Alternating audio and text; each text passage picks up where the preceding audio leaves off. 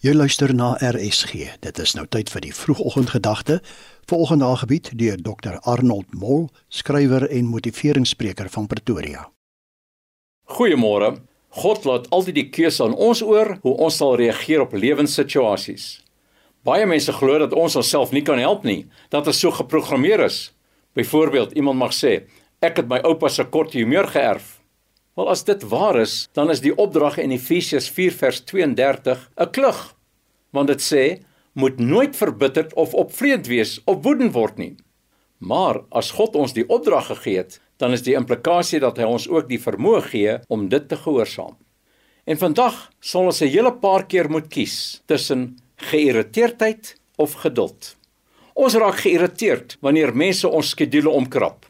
Wanneer ons van plan was om 'n hele aantal take af te handel en dan word ons vertraag. Byvoorbeeld verkeersknope, lang toue as gevolg van stadige diens, dringende probleme wat dadelik ons aandag verg en so meer. Ons raak ook geïrriteerd wanneer daar nie aan ons verwagtinge voldoen nie. Die mense om ons doen nie wat ons wil hê hulle moet doen nie. Hulle kom nie hulle pligte na nie. En die gemeenskaplike faktor van geïrriteerdheid is 'n gekrenkte ego. En ons word kwaad want die lewe draai mos alles om ons. Maar hierdie geïrriteerdheid lei tot verwronge denke. Spreuke 14 vers 17 sê: Wie kort van draad is, begaan dwaashede. Hoeveel van ons het nie al berou gehad oor die dinge wat ons in 'n oomblik van woede gedoen of gesê het nie? En al vra ons later om verskoning, kan ons die skade nie ongedaan maak nie.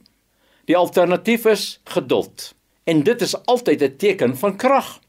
In Spreuke 16 vers 32 lees ons: 'n geduldige mens het meer waarde as 'n bedrewe vegter. Maar geduld verg 'n opoffering. Ons moet toelaat dat ander ons onderbreek en ons skedule omkrap. En die geheim is om die Here die reg te gee om te maak wat hy wil. Byvoorbeeld, 2 weke gelede het ek vir 2 en 'n half uur in 'n verkeersknop vasgesit. Al manier hoe ek kon reageer is om te sê, Here, u het die reg om met my te doen wat u wil.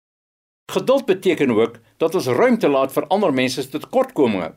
Romeine 15 vers 7 sê: "Aanvaar mekaar dan soos Christus julle ook aanvaar het." Dink net wat sou gebeur het as die Here kwaad geword het elke keer wat ons nie aan sy verwagtinge voldoen het nie. Berei jouself voor om geduldig op te tree. Dink voor die tyd aan situasies wat jou geduld gaan beproef en visualiseer dan hoe jy met geduld gaan reageer. As jy onverwags in 'n irriterende situasie beland, soos 'n verkeersknoop, dank die Here vir 'n geleentheid om geduld te beoefen. Moenie dat jou trots die oorhand kry nie, want Prediker 7 vers 8 sê: Geduld is beter as hoogmoed.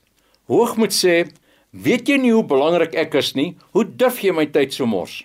Geduld sê: Dit is in orde. Ek is Jesus se dienskneg en hy het die reg om met my tyd te maak wat hy wil.